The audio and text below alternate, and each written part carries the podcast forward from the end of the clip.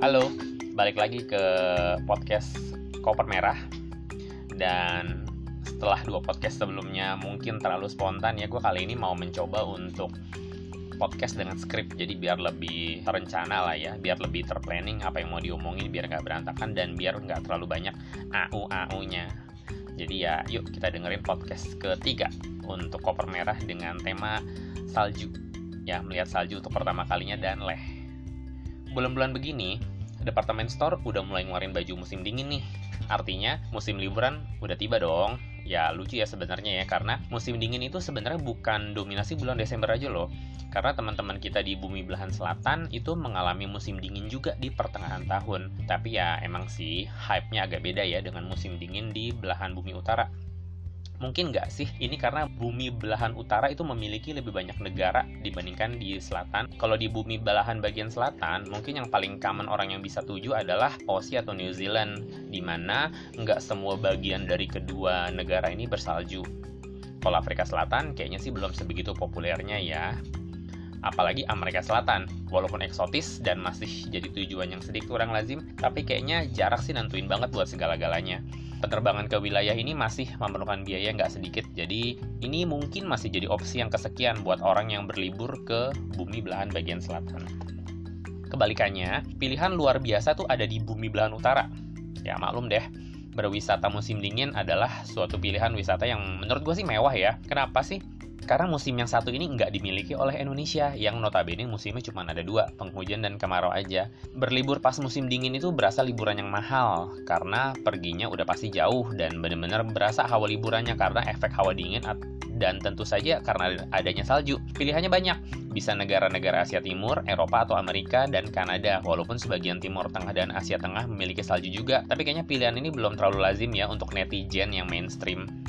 Kalau cuma dingin-dingin doang sih, di Dieng juga ada yang dinginnya lumayan menggigit.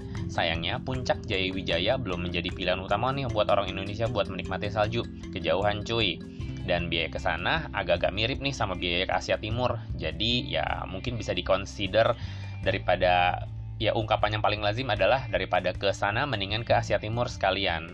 Jadinya salju ya masih merupakan mainan yang kurang lazim buat penduduk Indonesia. Nah, sebagai orang yang mencintai gunung dan hawa dingin, gue juga bersemangat banget nih menyambut musim dingin. Selain hawa liburannya udah makin terasa, dan kerjaan semakin males, dan memang dipadukan dengan nuansa Natal, kayaknya Desember sih memang ideal banget ya buat liburan musim dingin. Gue yang tinggal di negara tropis bertahun-tahun dan mengimpikan melihat salju, akhirnya berhasil juga nih ngeliat salju di negara lain. Namun sayangnya bukan di bulan Desember tapi di bulan Mei dan bukan di negara yang mainstream tapi India. India di bulan Mei sebenarnya sedang mengalami musim panas. Panasnya luar biasa, bisa mencapai 45 derajat Celcius. Buat orang Indonesia, panas segini nih nggak lazim. Beneran panas dan udaranya tuh berasa berat, tebal banget. Napas aja berat, bikin nggak pengen jalan-jalan. Indonesia sepanas-panasnya kayaknya masih 35-an atau di bawah 40. Jarang banget bisa menyentuh angka 45. Saking ekstrimnya, suhu di India pernah menyentuh rekor 50 derajat Celcius loh. Nah, di titik ini nih udah banyak orang meninggal di India ya, saking panasnya suhu. Nah, biasanya orang-orang yang meninggal ini adalah orang yang tidak memiliki tempat tinggal atau tempat tinggalnya itu tidak memiliki fasilitas pendingin. Pernah tuh kejadian suhu ekstrim di India tahun berapa gitu, banyak banget orang meninggal. Karena berasa panas banget waktu itu tuh gue di Jaipur, Jaipur ke Delhi, berasa nggak enak banget. Ya mau jalan-jalan juga males, terlalu panas. Akhirnya gue lari deh ke utara. Jadi judul perjalanan kali ini adalah nggak sengaja ketemu salju sebenarnya pas banget sama yang musim liburan sekolah di India, di mana warga India yang berduit ya bisa kabur ke utara untuk mendinginkan suhu badan dan tentu saja pikiran. So, berliburlah mereka ke Jammu dan Kashmir, wilayah di pegunungan Himalaya yang alamnya tuh total beda banget sama India dataran rendah pada umumnya. Ya, kalau di Jaipur, Delhi, uh, Agra itu ketinggiannya mungkin sekitar 100, 200 hingga 400 meter di atas permukaan laut. Sebelumnya sih, gue udah pernah bilang, untuk menuju ke Jammu dan Kashmir ada dua cara, ya ini yang pertama via darat. Nah, via darat sendiri dibagi menjadi dua, lewat kiri atau lewat kanan. Kalau lewat kiri, itu lewat Chandigarh, kota utamanya. Lalu masuk kiri melalui Jammu dan lanjut ke Srinagar. Dari Srinagar bisa lanjut ke Leh. Sementara kalau lewat kanan, dari Chandigarh itu bisa masuk lewat Manali, lalu ke Leh via Simla. Pilihan paling gampangnya adalah menggunakan jalur udara. Ya, ini pilihan keduanya ya. Bonusnya, dengan menggunakan jalur udara adalah pemandangan spektakuler untuk perjalanan ya mungkin sekitar satu jam lah ya dari Delhi ke Leh, ibu kota Ladakh. Harga flightnya sih hanya satu juta rupiah per perjalanan ya. Cuman saat-saat tertentu dia lumayan tuh bisa anjlok sekitar 300 ribuan aja. Jadi ini bener-bener ya penawaran yang cukup menarik lah buat gue.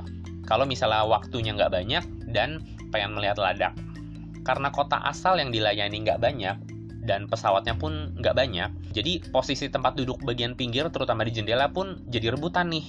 Nah waktu gue beli tuh gue memang nggak sempat milih mau di jendela atau di lorong atau di mana ya. Ternyata orang-orang India yang mungkin udah keseringan pergi bolak-balik ke Ladakh, mereka tuh memilih buat duduk di jendela.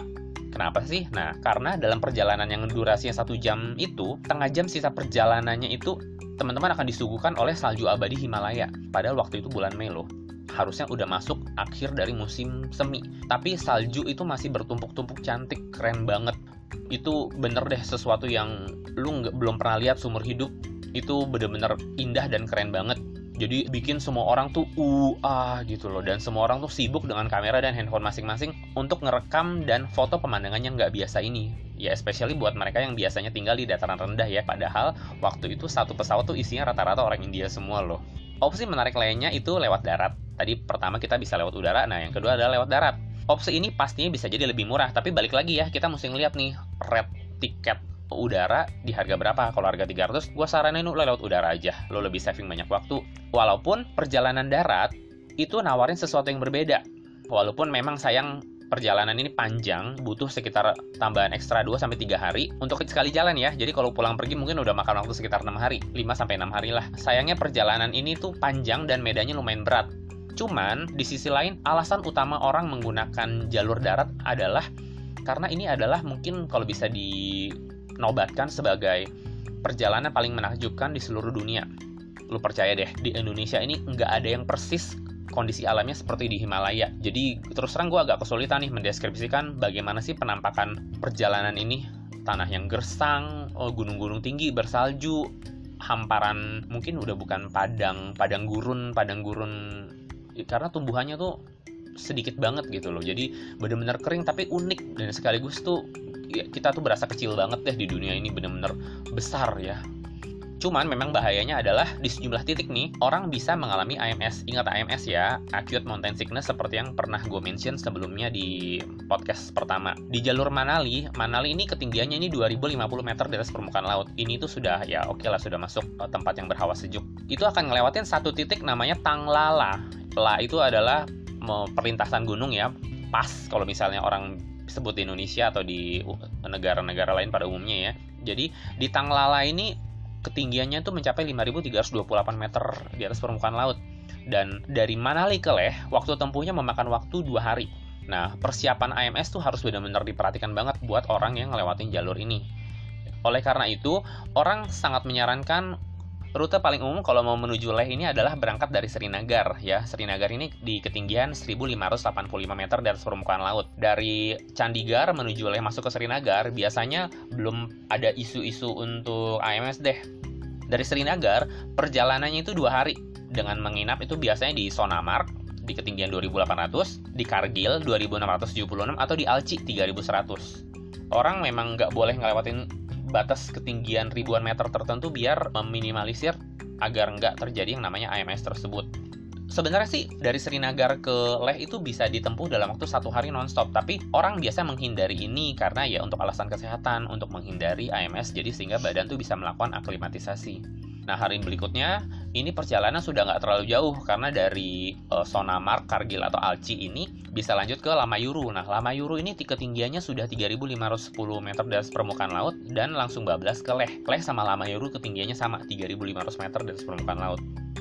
Untuk jalur pulang, kalau tadi kita dari arah barat ke timur, nah selanjutnya ini dari arah timur ke selatan untuk pulang dari Leh menuju Manali. Jalur ini adalah jalur yang ekstrim ya menurut gua karena dia harus melewati 5 gunung dengan pemberhentian di tengah-tengahnya itu biar perjalanan antara Leh ke Manali ini kebagi dua secara rata. Itu harus berhenti di Sarcu. Nah, Sarcu ini ketinggiannya adalah 4230 meter di atas permukaan laut atau Kilong. Kilong ini udah turun banget nih 3080 meter di atas permukaan laut ya atau satu lagi adalah Jispa. Jispa ini 3200 meter di atas permukaan laut. Kenapa? Seperti ini ya karena tadi ya ingat gak tadi gue sempat mention mengenai Tanglala. Nah Tanglala ini 5000 meter dari permukaan laut. Jadi gini loh ketika badan sudah terbiasa mengaklimatisasi dengan ketinggian 3500 meter jadi ketika begitu kendaraan naik lagi ke ketinggian 5000 meter harusnya itu badan sudah lebih biasa. Instead daripada kita mulai dari Manali ketinggiannya 2000 lalu berjalan-jalan jalan-jalan tiba-tiba masuk Sarcu yang ketinggian 4230 meter. Itu badan pasti lebih nggak terbiasa dan bisa kaget bisa menjerit dan efeknya itu bisa banyak banget Nah, jadi jalur ini memang lebih direkomendasikan karena ketinggian saat bepergian itu melewati Srinagar, jalurnya tuh mendaki perlahan-lahan, nggak menukik atau menanjak terlalu curam. Jadi jalurnya tuh naik pelan-pelan, pelan-pelan, pelan-pelan nggak ada ketinggian yang benar-benar ekstrim berlebihan lah di di jalur ini. Beda banget nih sama arah sebaliknya. Jalurnya naik banget, turun banget, naik banget, turun banget. Ini makanya perjalanan Leh Manali itu lebih direkomendasikan sebagai perjalanan pulang sebenarnya nggak masalah juga sih kalau teman-teman merasa yakin dengan kemampuan badan gitu loh mau aklimatisasi pelan-pelan mungkin mau mencoba arah terbalik, mau pengalaman berbeda, misalnya dari Manali menuju Leh untuk pergi dan pulang menuju Srinagar bisa seperti itu. Cuman itu memang perlu diperhatikan untuk orang yang nggak biasa mengalami ketinggian yang lumayan ekstrim, jadi kemampuan darah buat menyedot oksigen dari udara kan menjadi terbatas badan pasti berasa lebih berat, lebih capek. Tapi balik lagi ya, efek AMS ke setiap orang tuh beda-beda. Ada yang sangat terdampak, ada yang biasa aja. Ingat pokoknya, ingat di podcast sebelumnya, kalau misalnya mau tahu lebih lanjut mengenai AMS ini, aklimatisasi harus dilakukan beberapa hari agar badan itu nggak kaget. Hal lain yang perlu diingat adalah jalur Manali Leh ini hanya dibuka lebih sedikit, hanya dibuka empat setengah bulan dalam waktu satu tahun, dari akhir Mei hingga awal Oktober aja, selama musim panas. Sisanya jalur ini tertutup salju tebal, jadi nggak ada layanan bus atau kendaraan yang melalui jalur ini. Sementara jalur Srinagar Leh itu dibuka lebih panjang ya, kurun waktunya hanya dalam waktu 6 bulan, dari awal Mei hingga akhir Oktober. Sama, di periode sisanya, salju tebal itu memenuhi jalur sehingga nggak bisa dilalui sama sekali. Bayangin aja deh, betapa terisolasinya wilayah Ladak ini. Salju tebal memenuhi jalur masuknya, jadi satu-satunya akses masuk itu hanya dengan menggunakan pesawat. Ya mungkin bisa dibilang bahwa penduduk Leh itu sebenarnya duitnya banyak karena bepergian keluar masuk wilayah tersebut bisa menggunakan pesawat.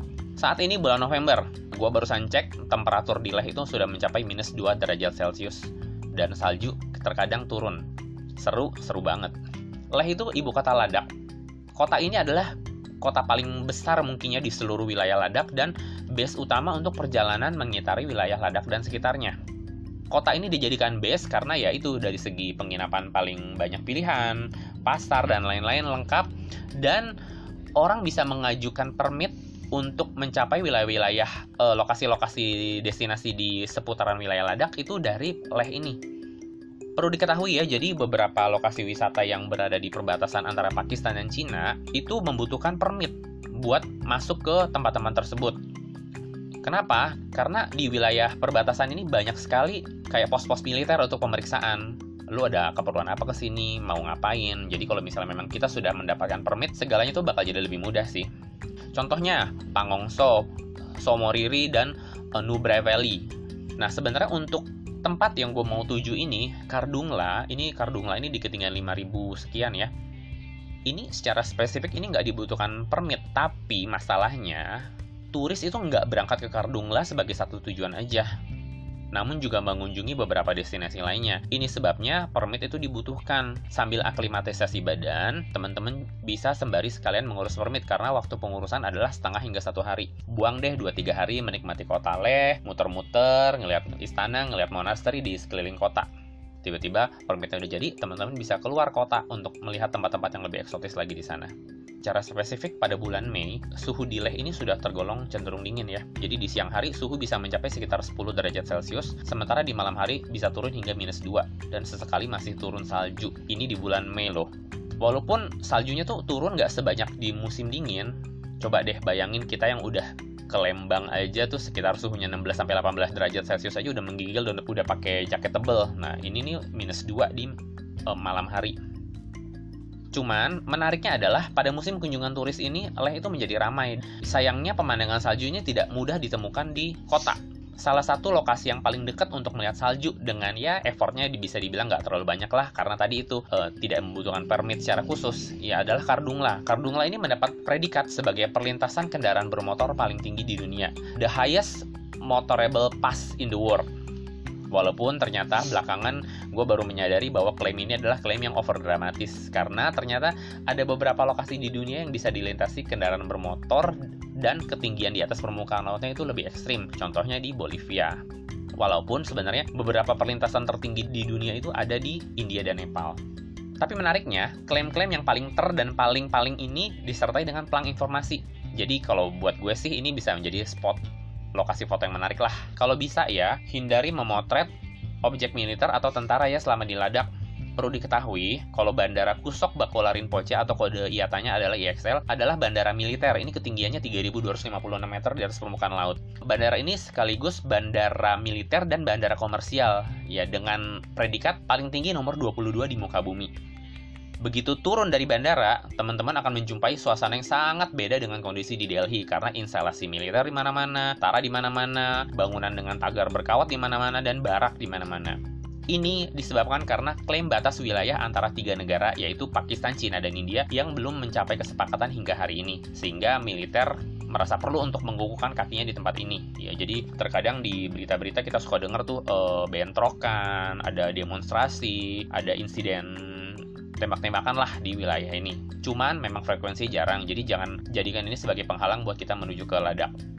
Usahakan jangan sampai berurusan sama militer ya, karena repot menurut gua sih. Agar perjalanan kita menyenangkan, usahakan jangan memfoto mereka kalau misalnya tidak mendapat izin. Kalau misalnya memang ngebet banget, coba minta izin aja ikut aturan aja selama di sana dan usahakan untuk mendapatkan permit. Ya karena itu benar-benar memudahkan kita untuk berkunjung selama di sana. Dan lebih bagus lagi kalau perjalanan kita tuh direncanakan. Karena butuh aklimatisasi jadi kita minimal sediakan 2 sampai 3 hari agar badan kita tuh nggak terlalu kaget kalau misalnya memang kita mau berkunjung ke Kardungla lokasi lainnya di timur itu adalah Pangongso dengan ketinggian 4350 meter dari permukaan laut Somoriri 4522 dan Nubre Valley di 3045 sementara kalau ke barat ada gunung tertinggi nih di deretan Stok ya jadi selain Himalaya kita juga punya banyak deretan gunung. Gunung tertingginya adalah Stok Kangri dengan ketinggian 6153. Ya ini memang bukan objek wisata yang umum karena ini biasa lebih ke arah pendakian ya. Dan satu lagi adalah lembah Zanskar. Nah ini ketinggiannya ekstrim nih 7756 meter atas permukaan laut. Di peta ini kelihatannya nggak terlalu jauh. Tapi di aslinya medannya tuh naik turun, kelok-kelok dan banyak rintangan alami. Jadi orang yang berkendara itu butuh banget kemampuan menyetir yang mumpuni lah jadi kalau misalnya memang kita juga nggak jago-jago banget, nggak kebiasa, mendingan ikut tour aja atau ikut kendaraan yang sudah biasa lewat. Mereka lebih tahu kok gimana menghandle jalanan ini. Pokoknya sediain waktu yang panjang aja selama di Ladakh. Selama proses aklimatisasi ini ada beberapa monaster yang bisa dikunjungi, mulai dari dalam kota Leh hingga yang agak off town, misalnya kayak Tiksei, Sei, Hemis, Likir, you name it lah. Pokoknya makan teratur, istirahat cukup, banyak minum air, stretching sedikit-sedikit, dan hindari alkohol ya kalau mau survive AMS dengan lebih cepat. Nah waktu itu gue berkunjung ke Kardungla itu di hari keempat Itu pun karena mendadak Hasil ngobrol-ngobrol sama tour travel guide gue Dan dia menyarankan gue untuk ke sana Karena proses permit itu ternyata bisa ditempuh dalam waktu setengah hari Dikebut sama doi. Sialnya gue baru submit itu sekitar siang Gue nunggu di sana Dia bilang mungkin bisa cepet Cuman ya biasalah ada kendala-kendala ini itu ini itu petugas officer yang nggak di tempat gue baru dapat permit itu jam 4 sore. Berarti gue baru berangkat jam 4 sore dong menjelang gelap gue cuma punya waktu sekitar 2 jam buat menghindari matahari terbenam cuman gue pikir karena gue sendirian sewa mobil di sana kayaknya kok kurang masuk akal ya ya nggak mahal-mahal banget sih cuman 2.200 rupiah aja tapi karena dihitung sendiri kok kayaknya buang-buang duit banget ya sementara besoknya itu gue kayaknya udah ada jadwal buat balik ke Delhi jadi kayaknya ini hari terakhir di mana gue bisa berkunjung ke Kardungla. Tour guide gue namanya Sewang Rikzin ya. Ini nama-nama khas ladak khas Tibet gitu ya. Dia nyaranin gue untuk sewa motor aja dan motornya adalah Royal Enfield cuy. Bukan maksudnya mau mewah-mewah sih tapi memang cuma jenis motor begini aja yang bisa dipakai di sini di di Ladak motor bebek sih lewat deh nggak bakal bisa. Sewanya sih murah sih cuma 500 rupiah aja. Dan isi bahan bakarnya murah cuma 500 rupiah aja. Dengan harga segitu tuh udah bisa nganter naik ke Kardungla dan kembali. Masalahnya gue belum pernah nih naik motor beginian. Jangankan motor beginian motor gede aja gue belum pernah naik di Jakarta. Kacau deh Sambil nungguin permitnya selesai, dari jam 2 hingga jam 4, gue belajar mengendarai motor Royal Enfield ini. susah cuy. Motor itu berat dan gue nggak tahu mesti setel akselerasinya di mana. Kalau cuma 5 km per jam sih bisa. Ya itu sambil belok-belok nggak jelas dan jalanan kota yang masih lebih teratur. Masalah ini tanjakan 39 km mau selesai kapan? Takutnya selepas malam gue belum nyampe di Kardung. Masih tertatih-tatih keluar dari leh Sampai perminta datang pun, gue masih belajar mengendalikan motor Royal Enfield ini. Kayaknya si Sewang Rixin ini khawatir juga kali ya kalau motornya nyusuk jurang atau nggak balik gara-gara kemampuan gue mengendarai motor mengkhawatirkan. Dan ya, pucuk dicinta ulang tiba. Dia berbaik hati menawari membawakan motor tersebut dan gue duduk di belakang. Kenapa nggak gitu dari tadi ya? Gue sampai nggak enak kan? Kali-kali dia masih mau jagain tour and travelnya tapi dia bilang iris oke okay. Udah kesorean juga ya udah. Jadi mulailah perjalanan kita menuju Kardungla dan start jam 4 sore demi ngeliat salju. Yes. Nah sebelum ke sana kita ngisi gasolin dulu tuh sebanyak 500 rupiah karena kata dia tuh udah cukup buat naik ke atas dan kembali. Gue mempersiapkan gear sebaik mungkin karena salju cuy berhubung dikejar waktu dan gue yakin nggak ada tempat buat berhenti-henti buat betulin gear. Jadi gue prepare semuanya dari bawah dari bawah dari kota kotalnya maksudnya ya alas kaki, kos kaki, sarung tangan dan tentu aja kamera. Gue udah siapin semua jadi gue nggak perlu keluar-keluarin barang-barang dari tas di perjalanan di atas motor. Kita mulai perjalanan ini. Rutenya sih cuma satu dan jalanannya tuh jalanan utama. Jadi seharusnya tuh nggak mungkin nyasar. Kekhawatirannya cuman selepas pasar leh nggak ada lagi tuh sesuatu yang bisa dilihat di tengah-tengah jalan selain pos militer dan bentang alam yang luar biasa menakjubkan. Jadi kalau nggak didampingi lokal, gue yakin pasti sedikit-sedikit kita akan ngecek peta, takutnya nyasar. Nah, perjalanannya sih menyenangkan, cuman anginnya tuh luar biasa kenceng. Dari wilayah kota, kita nembus beberapa lapis gunung, ya. Jadi pertama jalanannya tuh lurus, lurus, mulai naik, naik, naik. Kita mulai ngelewatin satu gunung, satu gunung, satu gunung. Gunung demi gunung tuh silih berganti, makin lama gunungnya makin tinggi. Dan makin lama pemandangan juga terlihat makin kering. Ya, sesekali di pojok jalan ada stupa kecil dengan bendera warna-warni yang menghiasi sudut jalan lah. Lumayan ada pemandangan seperti ini. Nah, di salah satu titik ada pos penjagaan militer. Nah, di sini sih harus seharusnya sih permit gue diperiksa. Namun entah mungkin karena muka gue yang agak mirip sama orang ladak dan mungkin ditemani juga sama Sewang Rizin yang bicara dalam bahasa lokal atau ya mungkin juga udah keserean kali kita nggak tahu. Kita dipersilakan buat lewat tanpa dicek sama sekali. Kalau nggak salah, ada dua pos di sepanjang jalan ini. Yang kedua bahkan lebih cuek lagi, cuma ngelambain tangan aja. Kalau yang pertama, kita sempat berhenti nih dan berbicara sama si penjaga. Di pertengahan jalan, tangannya Sewang Rizin tuh mulai kebas, mulai beku karena angin. Kelihatan sih berapa kali dia ngelambatin motor dan menggemeretukkan apa sih kayak menggibas-gibas tangannya gitu ya sambil gemelutukin. Nah, karena kesian berhubung dia yang di depan sambil nyetir gue akhirnya minta dia buat berhenti gue pinjemin sarung tangan gue dan jadi gue dong yang nggak pakai sarung tangan cuman nggak apa-apa sih karena tangan gue masih bisa masuk jaket juga tapi ya ini bener-bener dingin sih di sepanjang jalan banyak kendaraan arah balik yang mulai turun tuh motor ataupun mobil. Mungkin juga orang-orang mikir ngapain ya ini orang baru naik ke atas jam segini? Bodo amat deh. Yang penting ya gue mau lihat salju. Intinya itu aja sih. Nah kurang lebih di pertengahan jalan gue tuh mulai ketemu sesuatu yang berwarna putih susu agak panjang di ujung lembah. Setelah dideketin ternyata itu adalah sungai yang membeku. Gile. Excited banget gue ngeliat yang beginian. Nah, jalan yang tadi yang mulus menjadi hancur sekitar seperempat perjalanan. Jalanan yang tadinya aspal berubah menjadi jalanan tanah berbatu. No wonder sih si Sewang Rizin ini khawatir. Kali-kali gue nggak mampu kendalin motor dan nyungsep masuk jurang. Amit-amit banget sih. Seperlapan sisa perjalanan, banyak bongkahan sesuatu berwarna putih nih di tepi jalan. Dari kecil, gue lama-lama lihat sampai ukurannya segede segede apa ya? Mungkin segede gajah kecil kali ya. Bentuknya tuh nggak karu-karuan dan terlihat kotor. Setelah gue perhatiin lebih lanjut, itu ternyata adalah es. Segede-gede gaban lah istilahnya ya Nah, mulai deh sekitar tiga gunung yang terakhir dilewatin, jalanan makin tinggi dan gila gue ngeri banget ngeliat jurangnya tinggi banget, awan makin tebel. Nah, mulai deh lereng-lereng gunung tuh dipenuhi dengan benda berwarna putih. Yes, gue akhirnya melihat salju juga, salju di mana-mana. Nah, suhu udara saat itu sih kemungkinan besar belum nyampe ke titik 0 derajat Celcius sih, tapi ngelihat saljunya bertahan di lereng dan di tepi jalan, kemungkinan sih malam hari di tempat ini suhunya bakal turun di bawah 0 derajat Celcius. Dan for information di atas nggak ada sinyal, ya susah banget. Jadi ya ya udahlah ya terima aja. Seharusnya perjalanan ke sana sih nggak lama, harusnya sekitar sejam aja. Ya karena nanjak ya 39 km, motor juga nggak bisa yang terlalu gimana-gimana banget. Namun karena ada adegan tangan kebas dan jalanannya yang ternyata hancur, ya mudah-mudahan sekarang sih udah diperbaikin ya. Jadi kita sampai sana tuh agak terlambat jadi total waktu perjalanan sekitar satu setengah jam makin atas gue makin udah nggak bisa bedain lagi gunung mana yang dilewatin bongkahan es mana yang tadi dilewatin atau belum semuanya kelihatan sama gue udah mulai membeku dan mulai siwer pipi kebas kena tampar angin tangan yang dimasukin jaket pun nggak bisa diajak kerjasama mata berasa kering dan berharap di setiap belokan adalah puncak dari Kardungla. Bener-bener udah gak nyaman banget deh.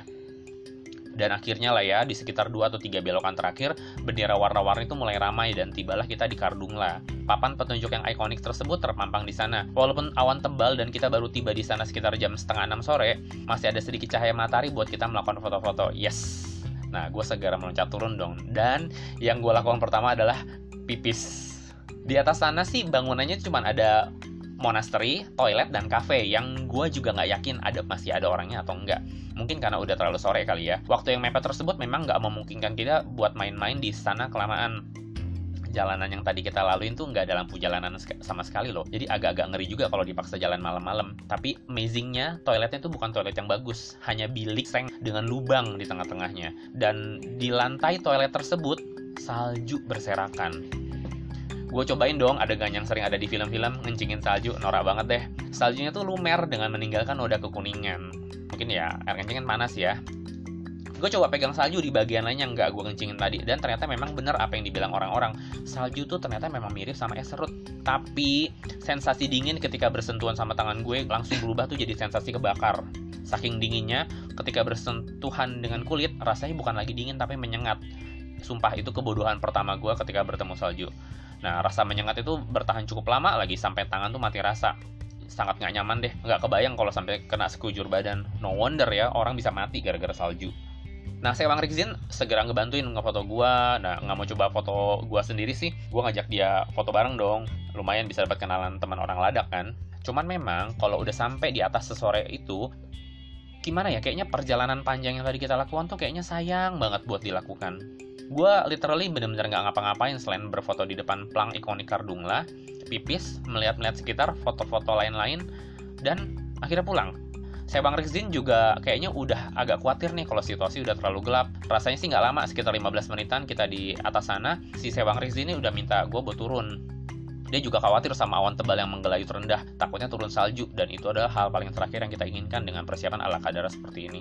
Ya wes, gue juga nggak mau bandel dong, nggak ada orang lagi di atas soalnya, dan out of nowhere suddenly tiba-tiba matahari udah hilang aja sehingga suasana tuh udah menjadi suram dan menjadi sedikit-sedikit menyeramkan. Jadi segera deh kita turun. Gue udah nggak terlalu inget adegan turun karena hari udah menjadi gelap dengan langit yang tidak berwarna lembayung karena tertutup awan tebal. Yang jelas bongkahan-bongkahan es masih ada di sepanjang perjalanan dan salju memenuhi lereng gunung. Gue sampai bertanya-tanya dalam hati, belokan mana ya yang kita tadi udah bebas dari salju?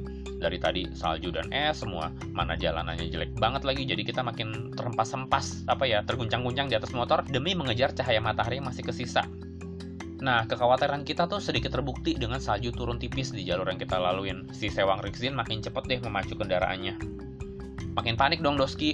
Untung aja, nggak lama awan tebal yang tadi menggelayut sudah berhasil kita lewatin dan salju udah nggak turun lagi. Setelah gunung bersalju udah nggak tampak lagi, cuman sebagai background di belakang, mulai deh si Sewang Rifzin ini memacu kendaraannya dengan kecepatan yang lebih wajar.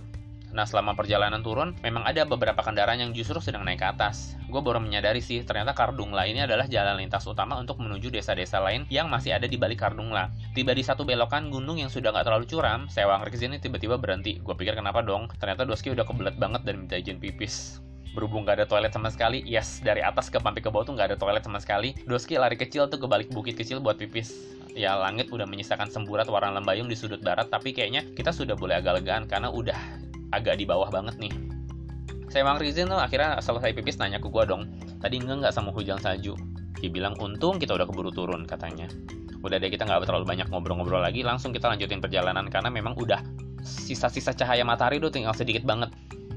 Udah deh jalanan mulai landai kota leh mulai terlihat di ujung depan udah mulai bertemu rumah dan toko. Gua dan Sewang Rizin udah bernapas lebih lega. Ya dia bawa motor juga lebih nyantai kita tiba di kota Leh lagi sekitar pukul 7 malam. Turunnya lebih cepat.